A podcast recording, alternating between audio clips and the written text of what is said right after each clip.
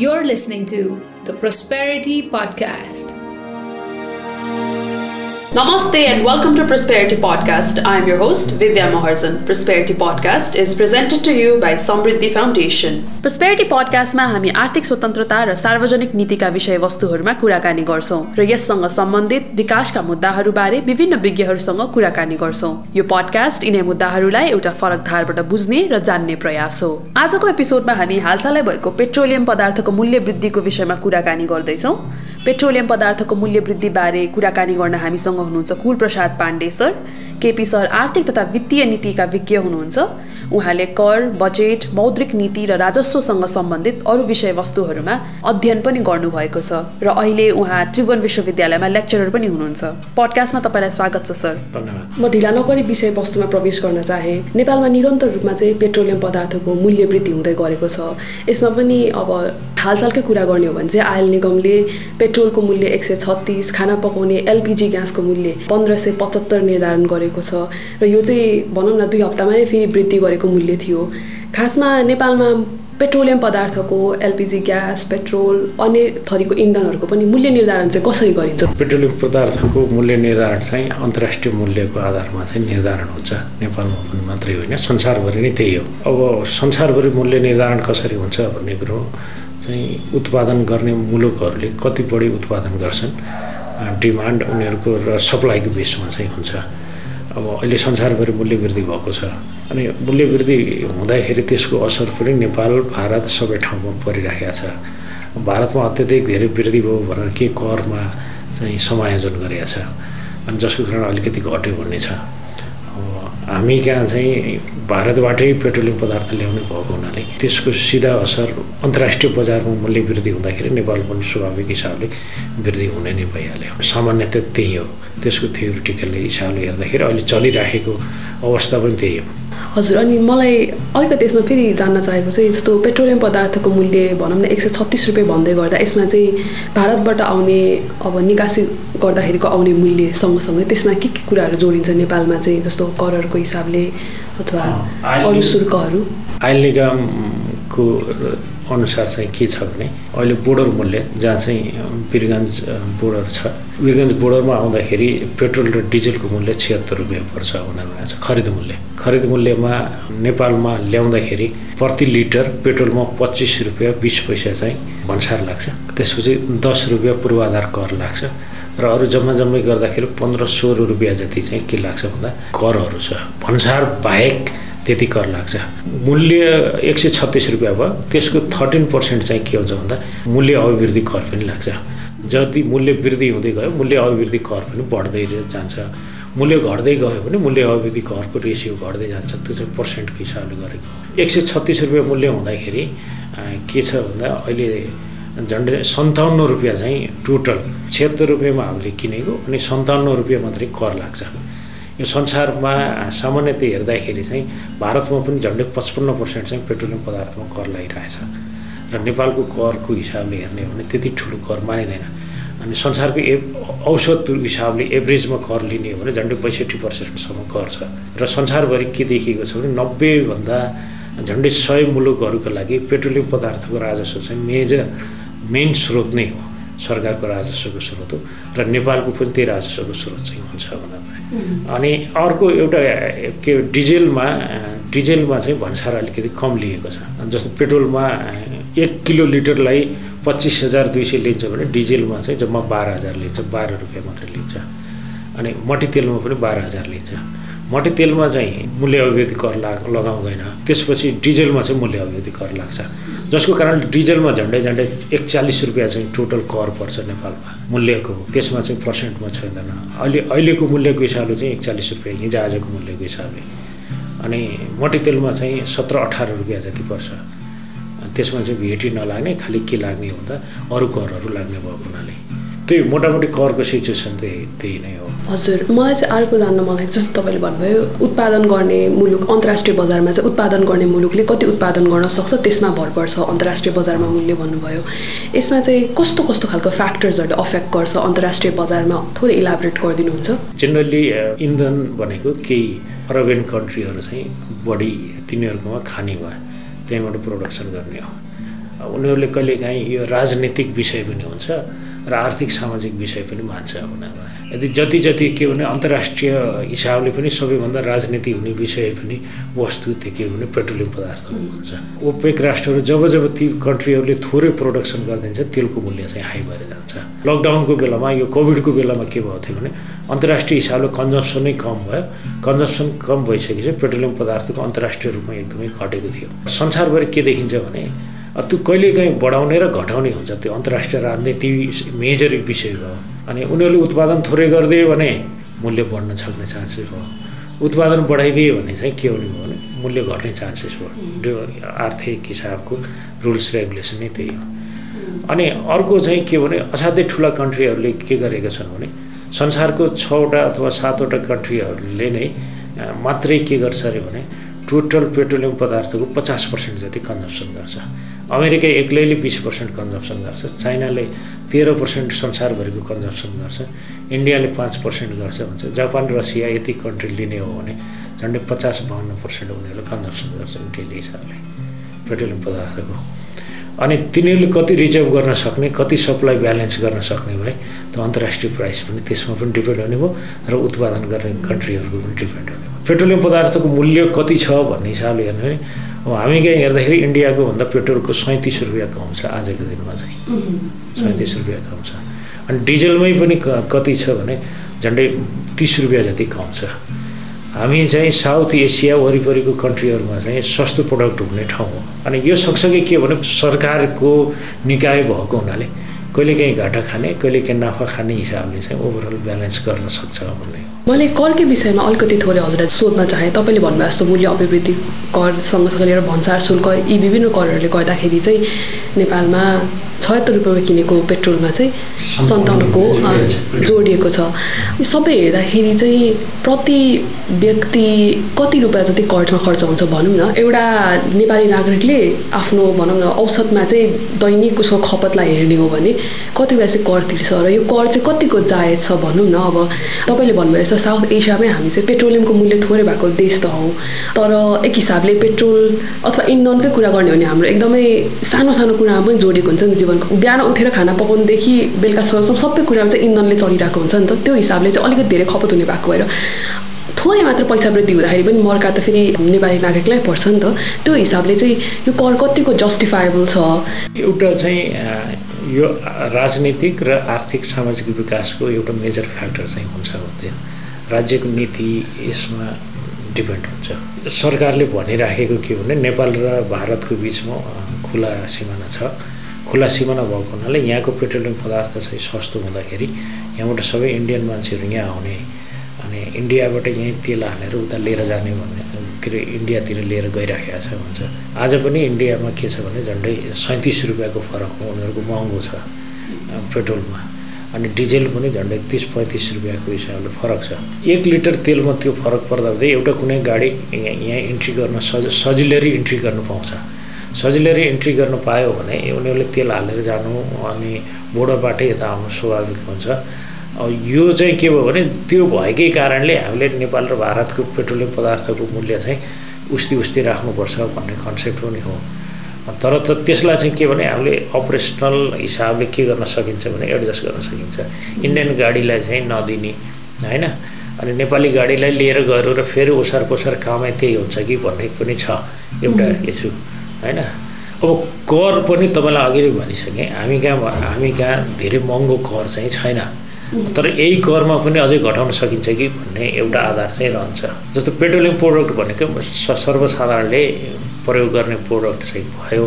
तर petroleum प्रोडक्टको consumption चाहिँ हामी कहाँ थोरै छ? सामान्यतः व्यक्तिगत हिसाबले मात्रै गाडी चलाउनेले पेट्रोल चाहिँ युज गर्ने हो। डिजेलको कन्जम्सन चाहिँ झन्डै पेट्रोलियम प्रोडक्टहरू मध्येमा साठी पर्सेन्ट कन्जम्सन चाहिँ डिजेलको देखिन्छ। अब डिजेलमा चाहिँ अझै कर एडजस्टमेन्ट गर्न सकियो समायोजन गर्न सकियो घटाउन सकियो भने चाहिँ धेरै हदसम्म मूल्य वृद्धिलाई चाहिँ घटाउन सक्ने चान्सेस हुन्छ। किनभने स अधिकांश पब्लिक गाडीहरू चल्ने चाहिँ डिजेलले हो। डिजेलको कन्जम्सन नेपालको केसमा साठी पर्सेन्ट छ पेट्रोलियम पदार्थ मध्येमा। त्यसमा सपोज मानौँ बाह्र रुपियाँ लगाइराखेको छ। त्यो बाह्र रुपियाँ चाहिँ हामीले हटाउन सक्यौँ अथवा पूर्वाधार विकास कर भनेर दस रुपियाँ लगाइराखेको छ। न बुढी गण्डकी भनेको छ। बुढी गण्डकी नबनेको बेलामा चाहिँ यो दस रुपियाँ उठाइरहनुपर्छ भन्ने जरुरी चाहिँ छैन। दस रुपियाँ घटाइदिनुको मतलब चाहिँ के हो भने टोटल ट्रान्सपोर्टेसन कस्ट डेली लाइफमा इन्डस्ट्रियल गुड्स अनि सर्वसाधारणको सबै गुड्सहरूको चाहिँ दस पर्सेन्ट मात्रै घटाउनु छ भने एकदम ठुलो इफेक्ट हुन्छ। किनभने पेट्रोलियम पदार्थको तपाईँले भने जस्तै के हो भने घर परिवारमा पनि असर गर्छ उद्योगको उत्पादनमा पनि असर गर्छ र मेटेरियल ल्याउन पनि असर गर्यो लैजानु पनि असर गर्यो त्यसको चाहिँ ठुलो चेन इफेक्ट हुन्छ। हामी फेरि इनर्जी कन्जम्सनको हिसाबले पनि कम भएको मुलुकहरूमा पर्छ। साउथ एसियामै हेर्ने हो भने बङ्गलादेशले चाहिँ झन्डै एघार भनेपछि वार्षिक चाहिँ चालिस पैँतालिस लिटर मात्रै खर्च गर्छ पर क्यापिटलको हिसाबले। अनि हामी यहाँ चाहिँ झन्डै एक सय तिसदेखि चालिस पर क्यापिटल चाहिँ खर्च गर्छौँ प्रति वर्ष। हाम्रोभन्दा भारतको धेरै छ। इकोनोमीको ग्रोथ हुँदै जाँदाखेरि के हुन्छ भने लिभिङ स्ट्यान्डर्ड पनि सबैको मान्छेको बढ्दै जान्छ अनि इनर्जेटिक कन्जम्सन पनि सँगसँगै बढ्दै जान्छ। अनि सँगसँगै बढ्दै जानेकोले अटोमेटिकली त्यो करको असर चाहिँ सबै क्षेत्रमा पर्छ। विशेष त के हो भने पेट्रोलकोले कम असर गर्ला। तर डिजेलले गर्दाखेरि के हुन्छ भने सर्वसाधारण हिँड्ने सार्वजनिक गाडीहरूमा ठुलो असर गर्छ ढुवानीमा असर गर्छ इन्डस्ट्रीमा युज गर्ने डिजेलले असर गर्छ। त्यस कारण के भने सर्वसाधारणको लाइफ चाहिँ डिजेलमा एडजस्टमेन्ट भयो भने अलि सहज बनाउन चाहिँ सकिन्छ। एलपिजी ग्यासको कन्जम्सन चाहिँ ओभरअल हिसाबले हेर्दाखेरि के देखिएको छ भने आजभन्दा छ सात वर्षको अगाडि चाहिँ हामी टोटल इनर्जी कन्जम्सनमा बाह्र पर्सेन्ट चाहिँ पेट्रोलियम प्रोडक्टको थियो।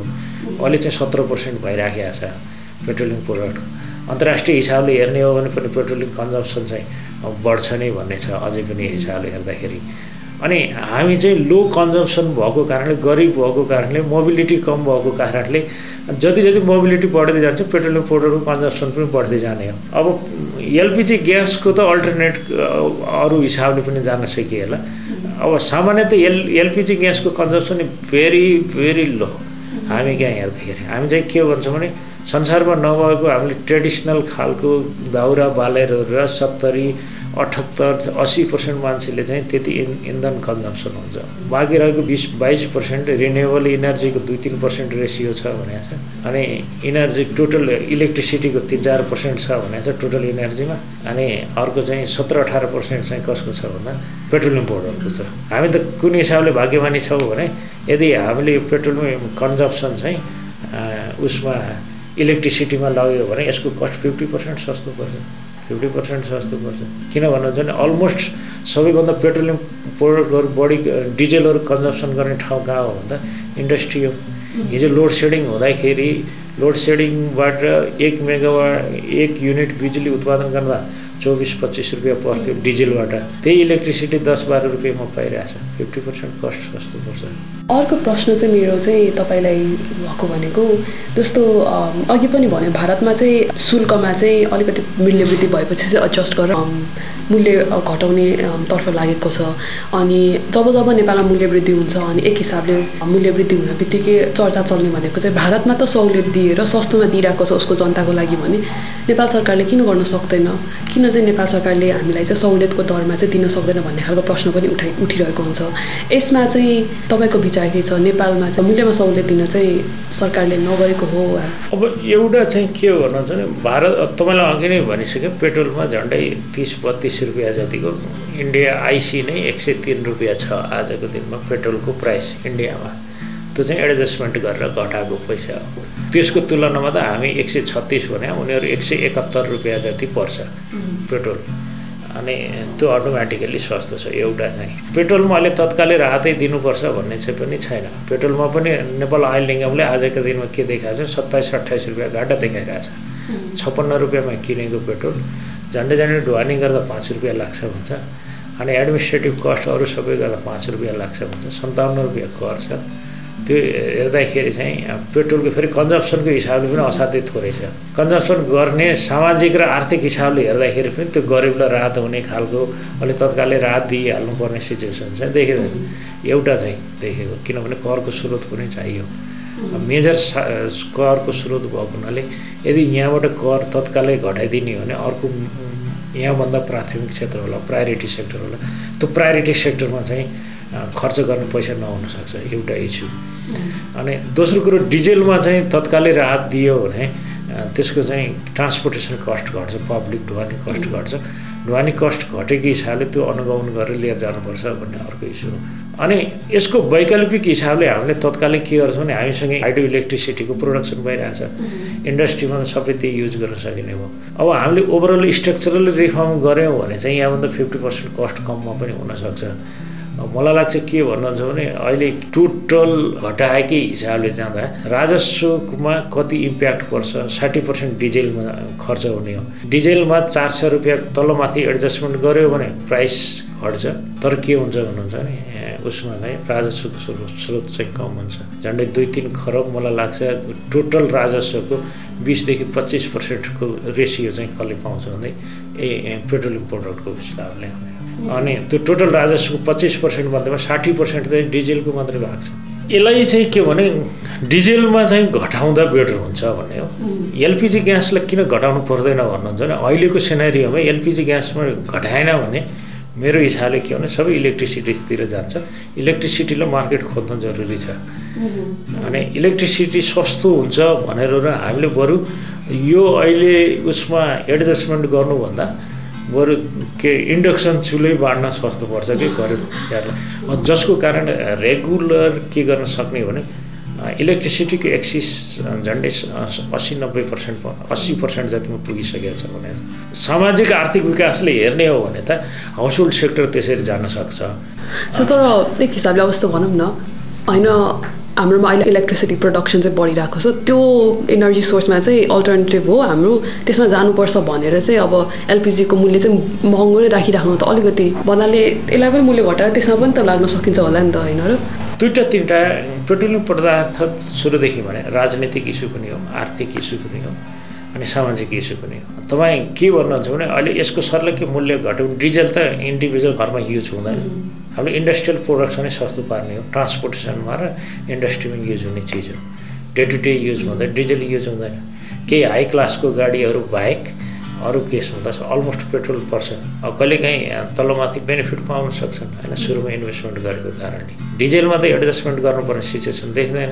देखिन्छ त्यहाँनिर चाहिँ के भने मास इफेक्ट चाहिँ हुन्छ कि डिजेलमा ट्रान्सपोर्टेसन कस्टको कारणले। त्यसको अटोमेटिकल्ली टोटल सप्लाई चेनमा चाहिँ धेरै असर गर्छ।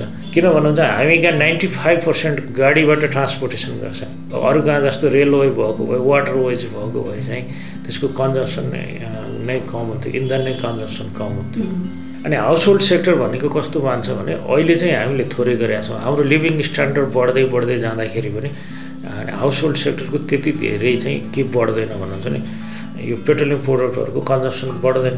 जुन हेरै रेसियो बढ्ने भनेको इन्डस्ट्रियल सेक्टरबाट जाने हो। यदि अहिले चाहिँ फोर पोइन्ट फाइभको इकोनोमिक ग्रोथ भनेको छ यो ग्रोथ र अनि नाइन पर्सेन्टको ग्रोथ हुँदाखेरि अटोमेटिकली इलेक्ट्रिसिटीको कन्जम्सनै हाई हुन्छ। यदि इलेक्ट्रिसिटी कन्जम्सन भएन भने हामी यसैमा जानुपर्छ। अल्टरनेटिभ डिजेलमा जानुपर्छ। अनि डिजेलमा जाँदाखेरि त हामीलाई असर चाहिँ अटोमेटिकली बढी हुन्छ। अर्को कुरो चाहिँ के भने हाम्रो एलपिजीको कन्जम्सन भनेको असाध्यै कम हो क्या। जहाँ सहरी क्षेत्रमा मात्रै हो। ओभरअल इनर्जी कन्जम्सनले के देखाउँदैन भने झन्डै seventy eight percent to eighty पर्सेन्टले त ट्रेडिसनल सोर्स युज गर्छ। गरिबीको हिसाबले हेर्ने जो गरिबलाई हामीले टार्गेटेड दिएको कारणले अनि राजनीति गर्ने मान्छेले पनि त्यसरी टार्गेट चाहिँ गर्दैन। एलपिजी ग्यासको केसमा चाहिँ। अब यो एउटा केही इस्यु चाहिँ के भने एलपिजी ग्यासको मूल्य स्ट्राटेजिकली रणनीतिक हिसाबले चाहिँ म सरकारले के सजेस्ट गर्न सक्छु भने अहिलेको फेजमा चाहिँ एलपिजी ग्यासको आठ सय झन्डै झन्डै आठ सय रुपियाँ घाटा छ आजको दिनमा। अनि दुई सय तिरासी रुपियाँ चाहिँ एलपिजी ग्यासमा ट्याक्स ल्याएको छ। तपाईँले भने दुई सय तिरासी रुपियाँ ट्याक्स वेभरै गऱ्यो भने पनि त्यत्रो ठुलो राहत चाहिँ हुँदैन यही बेलामा सिफ्टिङ गर्ने चान्सेस चाहिँ हो है। आजको दिनमा होइन? त्यति बेला इन्करेज गर्ने चान्सेस चाहिँ के भने अब हामीले ग्यासमा पकाउनुभन्दा उसमा पकाउनु जाँदा इन्डक्सनमा पकाउनु जाति हो। कस्टिङको हिसाबले पनि झन्डै झन्डै फिफ्टी पर्सेन्ट जति कस्टिङ कम पर्छ। अनि मलाई त के लाग्छ भने यो अब एलपिजीमा राहत दिएर आठ सय रुपियाँ लस खानुभन्दा सामान्य गरिब मान्छेहरूलाई चाहिँ उसको चुलो इन्डक्सन चुलो किनेरै दियो भने छ सात हजारमा हुन्छ। अनि पाँच छ वर्षसम्म चल्छ। अनि त्यतिन्जेलसम्मको यो सबै एडजस्टमेन्ट चाहिँ दुई वर्षमा पे ब्याक हुन्छ। द है। मैले अर्को चाहिँ सोध्न मन लागेको प्रश्न चाहिँ आयल निगमको एकाधिकारको बारेमा हो। यसबारेमा धेरै पनि चर्चा पनि हुने गरेको छ। पेट्रोलियम पदार्थ महँगो हुनुमा चाहिँ आयल निगमको एकाधिकार त्यस सँगसँगै चाहिँ अब आयल निगमले बेला बेलामा आफ्नो कर्मचारीको लागि बाँड्ने बोनसको विषयमा ठुलो चर्चा हुन्छ। खासमा मलाई जान्न चाहेको चाहिँ यो एकाधिकार हुनुको इतिहास के हो? नेपालमा आयल निगमले नै पेट्रोलियम ल्याउने जिम्मा दियो। अब यसको ऐतिहासिक पाटो चाहिँ कस्तो छ भनेर अलिकति बुझ्न चाहेको। अनि अहिलेसम्म पनि बेला बेलामा चर्चा उठ्छ निजी क्षेत्रलाई पनि आयल चाहिँ इम्पोर्ट गर्न दिने भन्ने कुरामा। तर त्यो अब बेला बेला उठ्छ सेलाउँछ अहिलेसम्म भएको छैन। अहिलेसम्म चाहिँ एकाधिकार कायम हुनुको कारण पनि के हो भनेर चाहिँ बुझ्न चाहेँ। एकाधिकार संसारभरि लगभग हन्ड्रेड प्लस कन्ट्रीहरू छ। हन्ड्रेड प्लस कन्ट्रीहरूमा एकदमै गभर्मेन्टको पुरै फुल कन्ट्रोलमा छ। अनि जे जति प्राइभेट सेक्टरले डिस्ट्रिब्युसन गर्न दिएको छ त्यसमा पनि गभर्मेन्टको इन्टरफेयर चाहिँ पेट्रोलियम प्रडक्टमा कायमै छ। संसारभरि हेर्दा। कारण के हो भन्नुहुन्छ भने यो प्राइभेट सेक्टर जबसम्म सक्षम हुँदैन तबसम्म चाहिँ पेट्रोलियम प्रोडक्ट छोड्नु मिल्दैन। यो छिनभरमा क्राइसिस हुने चिज हो। अनि पेट्रोलियम प्रोडक्टलाई प्राइभेट सेक्टरलाई इम्पोर्ट गर्न दिनको लागि के चाहिन्छ भने एकदमै सक्षम प्राइभेट सेक्टर चाहिँ चाहिन्छ। अनि यसका लागि एकदमै ठुलो लगानी आवश्यक पर्छ। अनि त्यो ठुलो लगानी गर्न सक्ने प्राइभेट सेक्टर नीतिगत हिसाबले खोल्दाखेरि पनि मलाई लाग्छ झन्डै सात आठ दस वर्ष चाहिँ के लाग्छ भन्दा हामी जस्तो मुलुकहरूमा त्यो प्राइभेट सेक्टर आएर सर्भिस गर्न चाहिँ लाग्छ। त्यहाँबाट कतिपय कुराहरू चाहिँ करसँग रिलेटेड छन् कतिपय कुराहरू इन्फ्रास्ट्रक्चरसँग रिलेटेड छन् अनि बिरगन्जबाट काठमाडौँ ल्याएर र यहाँ डिस्ट्रिब्युसन गऱ्यो भने ट्रान्सपोर्टेसन कस्ट हाई लाग्छ। ट्रान्सपोर्टेसन कस्ट एभरेजमा हामीले पाँच रुपियाँ तिरिरहेछौँ भनेर भने चाहिँ एक लिटरको पाँच रुपियाँ चाहिँ होइन? अनि पूर्वाञ्चलमा बाँड्दाखेरि बिरगन्जबाट त्यहीँ ल्याएर डिपो खडा गरेर डिस्ट्रिब्युसन गर्नुपर्छ। त्यसमा पनि टेक्निकल लस छ। यी कुराहरूले गर्दाखेरि के भने प्राइभेट सेक्टर अरू जस्तो सामान्य इन्डस्ट्री गरे जस्तो चाहिँ यो पेट्रोलियम पदार्थमा हुँदैन। जुनसुकै संसारभरिको धेरैजसो कन्ट्रीहरूमा प्रत्यक्ष र अप्रत्यक्ष कन्ट्रोल पेट्रोलियम प्रोडक्टमा छ।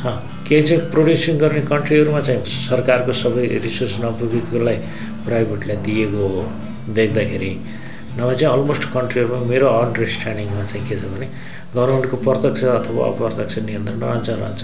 एउटा हिस्सो दोस्रो कुरो चाहिँ के भने कम्पिटिसनले गर्दाखेरि कहाँनिर चाहिँ प्राइस घटाउन सक्ने हो भनेर भन्दा हामीले पर लिटर एकदमै कम्पिटिसन गरेछौँ भने पनि म्याक्सिमम् सातदेखि अहिले टोटल लागेको एउटा चाहिँ आइल निगमको कस्टिङ चाहिँ झन्डै दुई रुपियाँ पर्छ भन्छ। व्यवस्थापनको कस्टिङ ट्रान्सपोर्टेसन कस्ट पाँच रुपियाँ जति पर्छ भन्छ सात रुपियाँ हो। प्राइभेट सेक्टर आएछ भने पनि कहाँनिर खेल्ने ठाउँ हो भन्नुहुन्छ भने त्यो जम्मा सात रुपियाँमा मात्रै। सात रुपियाँमा घटाएर तिन रुपियाँमा घटाउन सक्ला। फिफ्टी पर्सेन्ट उसले कस्ट रिडक्सन गर्न सक्यो भने पनि तिन रुपियाँ जति घटाउन सक्ला। तर अरू त अलमोस्ट कुराहरू त के भने करमा डिपेन्ड छ। सरकारले करमा डिपेन्ड गर्ने किनभने म्याक्सिमम् कस्ट नै के भन्दा ट्याक्स हो कि। हामी कहाँ नियमन गर्न सक्ने क्षमता भएको चाहिँ सरकारी निकाय पनि छैन। त्यो त ट्वेन्टी फोर आवर सप्लाई हुन सक्ने सिचुएसन चाहिँ पेट्रोलियम प्रोडक्ट दिनु सक्नु त्यो हिसाबले एकदमै हाइली व्यवस्थापनको सेक्टरमा अनि रेगुलेसनको सेक्टरमा रेगुलेसन सक्षम नभइकन प्राइभेट सेक्टर दिन सकिँदैन अनि प्राइभेट सेक्टर दिए पनि म्याक्सिमम् तिन रुपियाँ जति एक लिटरमा चाहिँ जान सक्ने हो यो त म्याक्सिमम् लिमिट हो।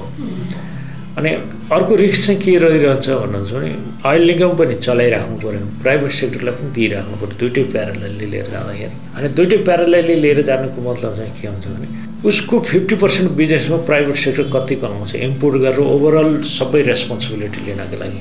त्यो चाहिँ डिफिकल्टी छ। बरु चाहिँ विनिवेश भन्छ। अलिकति प्राइभेट सेक्टरलाई दिएर म्यानेजमेन्ट यसलाई हायर गर्यो भने तिन चार रुपियाँले पनि के गर्न सक्छ भने इकोनोमिक इफिसियन्सी चाहिँ लिएर आउन सक्छ। त्यो वान अफ द सेक्टर चाहिँ हुनसक्छ मेरो प्राथमिकता के हो भन्नुहुन्छ भने अहिलेसम्म जे जति सरकारको इन्फ्रास्ट्रक्चर छन् रिजर्भ गर्ने ठाउँ पनि टोटल छन् त्यसको लस चाहिँ कम गर्ने ट्रान्सपोर्टेसनको मेकानिजम चाहिँ अलि फेयर बनाउने इफिसियन्ट बनाउने सरकार किन चाहिन्छ भनेर भन्नुहुन्छ भने टु थाउजन्ड एट नाइनमा सबैभन्दा संसारमा पेट्रोलियम पाउडरको मूल्य असाध्यै धेरै बढेको हुन्छ। एक सय चालिस रुपियाँभन्दा पेट्रोलको प्राइस हामी कहाँ गएकै छैन। त्यति बेला लस खाएर भए पनि इकोनोमिकलाई मेन्टेन गर्नको लागि लस खाएर पनि गभर्मेन्ट निकायले त दिएको छ नि। प्राइभेट त प्रफिट अर्निङ गर्ने निकाय हो। कहिलेकाहीँ के हुन्छ भने इकोनोमी चाहिँ भोलाटाइल बनाइदिन्छ। आजको हिसाबले तपाईँले एलपिजी ग्यास दिनुभएको थियो भने सत्र सय समथिङमा त उनीहरूले उहाँ बोर्डरमा किनेका छन्। ग्यास सिलिन्डर एक सिलिन्डरको प्राइस चाहिँ इन्डियाबाट लिएर आउँदाखेरि सत्र सय रुपियाँ थियो। सत्र सय रुपियाँमा दुई सय हटाइदिनु भयो भने ट्रान्सपोर्टेसन कस्ट पाँच सात पर्सेन्ट पाँच दुई पर्सेन्ट हो कि तिन पर्सेन्ट काठमाडौँ लिएर आउँदाखेरि सत्र तिन एकाउन्न झन्डै झन्डै दुई हजार बाइस सय रुपियाँ पर्छ। हामीले सोह्र सय रुपियाँमा ग्यास पाएका छौँ। अटोमेटिक मूल्यको समायोजनको हिसाबले जाँदा जाँदै पनि यसभन्दा अगाडि चाहिँ उनीहरूले बोनस खाए। त्यो गलत हो। पब्लिक इन्स्टिट्युसन चलाएर बोनस खानु चाहिँ त्यति जाति भएन। अनि तर के भने यति वर्षपछिको बोनस भयो एडजस्टमेन्ट भयो भने केही इन्करेजमेन्ट चाहिँ होला। अनि म्यानेजमेन्ट इफिसियन्सी ल्याउनु पर्ने सिचुएसन चाहिँ देख्छु। तर के भने अहिले तत्कालै प्राइभेटाइजेसन गरे पनि असाध्यै ठुलो लगानी आवश्यक पर्ने। एकदम क्यापिटल इन्टेन्सिभ खालको रिजर्भ गर्ने ठाउँ बनाउनु पऱ्यो डिस्ट्रिब्युसन गर्ने ठाउँ बनाउनु पऱ्यो अनि त्यसपछि गएर त्यसको ट्रान्सपोर्टेसन गर्ने मेकानिजम चाहियो। त्यसले गर्दाखेरि चाहिँ के देखिन्छ भन्नुहुन्छ भने अहिले तत्काल प्राइभेट सेक्टर ओपनै गरे पनि आउला जस्तो चाहिँ लाग्दैन। तर डिस्ट्रिब्युसनको सेक्टरमा चाहिँ के गरिरहेछ भने उनीहरूलाई झन्डै पाँच पर्सेन्ट कमिसन दिइरहेछ। पाँच पर्सेन्ट कमिसन भने त इट इज ह्युज पेट्रोलिङ उनीहरूको मोनोपोली छ। जो पेट्रोल पम्प चलाइराखेका छन् पेट्रोल पम्प चलाएको मान्छेलाई झन्डै झन्डै पाँच पर्सेन्ट दिनु। पाँच पर्सेन्ट अनि त्यसमा चाहिँ कमिसन एडजस्टमेन्ट गर्न सकिने इस्यु मलाई सोध्नुको लागि जस्तो अब तपाईँले भन्नुभयो सरकारले चाहिँ अब टु थाउजन्ड एटको ताकामा जब एक सय चालिस रुपियाँभन्दा बेसी गएको छ नेपालमा घाटा खाएर पनि बेचिरहेको छ भन्ने हिसाबले कुरा गर्नुभयो। त्यो बेलामा चाहिँ आयल निगम चाहिँ लसमा थियो। पछि त्यो लस रिकभर गर्नको लागि चाहिँ जब अन्तर्राष्ट्रिय बजारमा चाहिँ मूल्य घट्दै गयो त्यसमा चाहिँ नेपालमा चाहिँ मूल्य नघटाएर नै त्यो लस रिकभर गरेको भन्ने तर्क पनि छ। नि त कतिको जायज हो त्यो? सरकारको यो गुनासो चाहिँ नेपालमा मात्रै होइन अरू मुलुकहरूमा नै हुँदो रहेछ। तपाईँले आजकै दिनमा चाहिँ एनओसी भनेर भन्छ। एनओसीकै कन्ट्रोल कन्ट्रोलमा छ? Almost मुलुकहरूमा national oil corporation national oil corporation संसारभरि धेरै जसो ठाउँमा छ। अब तत्कालीन हिसाबले कहिलेकाहीँ इकोनोमी पिकअप गरिराखेको बेला डिजेल पेट्रोलियम पाउडरको इकोनोमीसँग सम्बन्धित चाहिँ इन्फ्लेसन तत्कालै बढ्छ। प्राइस असाध्यै धेरै बढाइदियो भने। फेरि तिनीहरूलाई करेक्सन गरेर लिएर आउनलाई तत्काल कस्ट घटाउन सम्भावना हुँदैन। केही हदसम्म चाहिँ पेट्रोलियम पदार्थ यति सेन्सिटिभ टपिक छ अनि गोलभाँडा किने जस्तो चाहिँ हुँदैन। होइन अनि नखाएर रिडक्सन गर्ने भन्ने पनि हुँदैन। त्यो के भन्नुहुन्छ भने जतिसुकै मूल्य परे पनि कन्जम्सन गर्नै पर्ने हुन्छ। यसलाई एउटा चाहिँ लचिलो चाहिँ आज मूल्य बढ्यो त्यस कारण मैले कन्जम्सन घटाउँछु भन्ने चाहिँ हुँदैन। त्यो रेगुलर कन्जम्सन गर्नुपर्ने भएको हुनाले जति मूल्य बढे पनि जानुपर्छ। यहाँ अन्तर्राष्ट्रिय हिसाबले गर्दा डिमान्ड एन्ड सप्लाईको अहिले टु थाउजन्ड फोर्टिन र अहिलेको लिनुहुन्छ भने चाहिँ के छ भन्दा झन्डै झन्डै फिफ्टी पर्सेन्ट चाहिँ बढ्ने र घट्ने गरेको छ अनि लकडाउनको बेलामा चाहिँ असाध्यै थोरै थियो। त्यो त नेगेटिभ भयो भनेर र भएर भइराखेको थियो। हामी हामीलाई के फाइदा छ भने अरू कन्ट्रीको भन्दा हामी चाहिँ इलेक्ट्रिसिटीतिर सिफ्ट गर्दै गयौँ भने चाहिँ हामीलाई धेरै इम्प्याक्ट पर्दैन। पेट्रोलियम प्रोडक्टको अटोमेटिकली हेबिचुअल्ली फरक हुन्छ। अनि इन्डस्ट्री त अटोमेटिकली इलेक्ट्रिसिटी पाइसकेपछि इन्डस्ट्री इलेक्ट्रिसिटीले चोइसको विषय हुन्छ। अब हाउस होल्ड चाहिँ अहिले हेर्दाखेरि झन्डै के भने तिस पर्सेन्ट जति इलेक्ट्रिसिटी कन्जम्सन हाउस होल्डतिर छ। यसलाई यसलाई चाहिँ के गरिदियो भने बढाउँदै जाँदाखेरि पनि त्यो हाउस होल्डलाई हेबिचुअल बनाउन सकियो भने चाहिँ अलिक सहज हुन्छ एलपिजी ग्यासको। पेट्रोल चाहिँ इन जेनरल गाडी चलाउनुपर्छ हाम्रो पहाडी जोग्राफिकल एरियाले पनि गाडी चलाउनै पर्ने सिचुएसन हुन्छ। त्यो चाहिँ अभियसली चल्छै चल्छ। सामान्यतः हेर्दाखेरि चाहिँ अलिअलि एडजस्टमेन्ट गर्न सकिने सिचुएसन हो। म चाहिँ फेरि एकचोटि निजी क्षेत्रको प्रवेशको विषयमा फर्किन चाहेँ। तपाईँले भन्नुभयो जस्तो निजी क्षेत्र यदि इन्धन आयातमा आउने नै हो भने पनि एकदमै धेरै सक्षम हुनुपर्छ। यसमा चाहिँ क्यापिटल इन्टेन्सिभ भएको भएर भन्नुभयो। नेपालमा चाहिँ निजी क्षेत्रलाई इम्पोर्टमा चाहिँ प्रवेश गर्न दिने विषयमा धेरै पटक चर्चा भएको छ। जस्तो दुई हजार दसमा चाहिँ उद्योग मन्त्रालयले विधेयकै पनि ल्याएको थियो जुन चाहिँ त्यसमा काम अघि बढेन। खासमा निजी क्षेत्रलाई ल्याउनकै लागि चाहिँ कतिको रियलिस्टिक छ नेपालको लागि छैन भने चाहिँ किन यसको विषयमा कुरा उठिरहन्छ सधैँ? हामीले कहाँनिर खोज्ने भने तपाईँलाई अघि पनि भनिसकेँ हामीले खोज्ने भनेको निजी क्षेत्र लिएर आउँदाखेरि एउटा इन्टिग्रेसन भन्छ कि। निजी क्षेत्र आइसकेपछि पेट्रोल पम्प पनि उसैले चलायो भने र इम्पोर्ट पनि उसैले गर्यो भने कस्ट घट्ने चान्सेस चाहिँ देखिन्छ। किनभने सिधै लगेर पेट्रोल पम्पमा उनीहरूले डिस्ट्रिब्युसन गरे हामीले पाँच पर्सेन्ट जति झन्डै डिस्ट्रिब्युसन गर्ने पेट्रोल पम्पहरूलाई कमिसन दिइरहेछौँ पाँच पर्सेन्ट चाहिँ ट्रान्सपोर्टेसन कस्ट छ अनि निजी क्षेत्रले आए पनि फेरि अन्तर्राष्ट्रिय मूल्यको बेसमा हुने भएको हुनाले कहीँ बाट निजी क्षेत्रले खोजेर त्यहाँभन्दा सस्तो पेट्रोल किन्न सक्छ भन्ने चाहिँ देखिँदैन। एउटा इस्यु अन्तर्राष्ट्रिय प्राइस त्यही नै भयो हामीले बोर्डर पोइन्टबाट लिएर आउँदाखेरि कहाँनिर हो भने खेल्ने ठाउँ भनेको एउटा ट्रान्सपोर्टेसन कस्ट हो अर्को भनेको पेट्रोल पम्पलाई दिने कमिसन दस रुपियाँ जति भन्नुहोस् न अहिले टेन्टेटिभली दस रुपियाँमा चाहिँ जान्छ। असाध्यै हामी कम्पिटेन्ट भएछौँ निजी क्षेत्रै आएछ भने पनि जम्मा जम्मै जाने भनेको फिफ्टी पर्सेन्टै यिनीहरूले इफिसियन्सी ल्याएछ भने पाँच रुपियाँ हो। तर प्राइभेट सेक्टरले सिङ्गल छोड्न चाहिँ सकिँदैन। पेट्रोलियम प्रोडक्ट जस्तो सेन्सिटिभ कुरोहरूमा चाहिँ छोडेको छैन। कहिलेकाहीँ प्राइभेट उनीहरू डिजल हुन सक्ने चान्सेस हुन्छ। फेरि त्यो गरेर नयाँ सरकारले चाहिँ नयाँ कम्पनी इस्टाब्लिस गर्न थुप्रै टाइम लाग्छ। उनीहरूले क्यापिटल थुप्रै पैसा चाहिने भएको हुनाले डिस्ट्रिब्युसन मेकानिजम बनाउनुपर्छ उनीहरूले रिजर्भ बनाउनुपर्छ ल्याउनुपर्छ अनि त्यो लामो समयसम्म चाहिँ के गर्नु भने टाइम लाग्छ त्यो बनाउनलाई। त्यो कारण अलिक तत्कालै निजी क्षेत्र यहाँभन्दा बढी सक्षम भन्ने धेरै ठाउँ कुनै कुनै सेक्टरहरू चाहिँ के हुन्छ नि प्रोडक्टै इनोभेसन गरेर नयाँ सेक्टर लिएर आउन सक्ने हुनसक्छ जसको कारण प्राइभेट सेक्टर अरू सेक्टरहरूमा चाहिँ धेरै सक्षम देखिएला। यो सेक्टरमा प्राइभेट सेक्टर धेरै खेल्ने ठाउँ चाहिँ रहँदैन। दोस्रो कुरो प्राइभेट सेक्टर आए पनि गभर्मेन्टको इन्टरभेन्सन कहीँ न कहीँ रहि नै रहन्छ। किनभने राजनीति र आर्थिक विषय हो पेट्रोलको प्राइस बढ्दाखेरि इन्डियामा थुप्रै आन्दोलन पनि भएका हुन्। नेपालको केसमा पनि आन्दोलन गर्न सक्ने सिचुएसन रहन्छ। दोस्रो कुरो गभर्मेन्टमा रहँदाखेरि तपाईँले के भने प्राइस स्टेबिलिटीको हिसाबले चाहिँ गभर्मेन्टले जुन स्टाइलले लिएर जान सक्छ त्यो प्राइभेट सेक्टरले लिएर जान सक्दैन। अब अहिले टु थाउजन्ड एटको प्राइसमा गयो भने त हाम्रो पेट्रोलको प्राइस चाहिँ दुई सय समथिङ पुग्छ। अनि त्यति बेला चाहिँ टोलरेबल हुनसक्छ कि सक्दैन प्राइभेट सेक्टरको प्राइभेट सेक्टर त कस्ट प्लस प्राइसिङमा जाने। उसको आफ्नो डिस्ट्रिब्युसन कस्ट हेरेर गर्छ एटलिस्ट मिनिमम उसले नाफै नखाइकन वर्षौँ चल्छ भन्ने पनि छैन। अनि यो हिसाबले हेर्दाखेरि के देखिने भने एक्सचेन्ज रेटसँग पनि सम्बन्धित छ यो ठुलो एमाउन्ट हुने हुनाले इम्पोर्ट चाहिँ डेभलपिङ कन्ट्रीहरूलाई यो डेभलपिङ कन्ट्रीहरूलाई चाहिँ प्राइस बढ्दाखेरि असाध्यै पीडा पीडादायी हुन्छ पुवर कन्ट्रीहरूलाई हुन्छ हुन्छ। तर पनि चलाइराखेका छन्। हामी कहाँ हेर्दाखेरि चिनमै पनि हाम्रोभन्दा डिजेलमा ट्याक्स हाई छ भारतमा डिजेलमा ट्याक्स हाई छ बङ्गलादेशमा अलिकति स्लाइडली कम छ पाकिस्तानमा पनि थोरै डिजेलमा मात्रै ट्याक्स कम छ हाम्रोभन्दा। अनि ओभरअल पेट्रोलियम प्रोडक्टको उनीहरूको ट्याक्स पनि हाई छ कि। इन्टरनेसनल ट्रेन्ड हेर्दाखेरि पनि हामी त्यति नराम्रो पोजिसनमा छौँ जस्तो चाहिँ लाग्दैन। हामी चाहिँ कम्फोर्टेबल पोजिसनमा छौँ ट्याक्सको हिसाबले हेर्दाखेरि। सरकारले अलिकति इफिसियन्सी ल्याएर दुई चार रुपियाँ तलमाथि गर्न सकिन्छ रेगुलर हिसाबले लिएर जाँदाखेरि। त्यो मेकानिजम त्यो रिक्स लिन सक्ने अन्तर्राष्ट्रिय बजारमा लिन सक्ने चाहिँ अहिलेसम्म तयार भएन कि भन्ने मात्रै हो। टेक्स टाइम तर बढ्न चाहिँ जान चाहिँ सक्छ। जान चाहिँ सक्छ र जतिसुकै गर्दाखेरि पनि हाई क्रिटिकल ठाउँमा चाहिँ हामीका लागि पेट्रोलियम पदार्थ चाहिन्छ चाहिन्छ। नयाँ इनोभेसन नभएसम्म अनि नयाँ प्रोडक्ट इनोभेसन भयो भने त अलग कुरो होला। नत्र भने ट्रक जानै पऱ्यो पहाडी ठाउँमा जानु पऱ्यो त्यहाँ बिजुलीको तार लिएर जान सकिँदैन। जहाँ जहाँ हाइली ट्रान्सपोर्टेड एरिया हुन्छ त्यहाँ इलेक्ट्रिक हाइड्रो इलेक्ट्रिसिटीले चल्न सक्छ। ट्रेन चल्न सक्छ अनि सबै ठाउँ चल्न सक्दैन।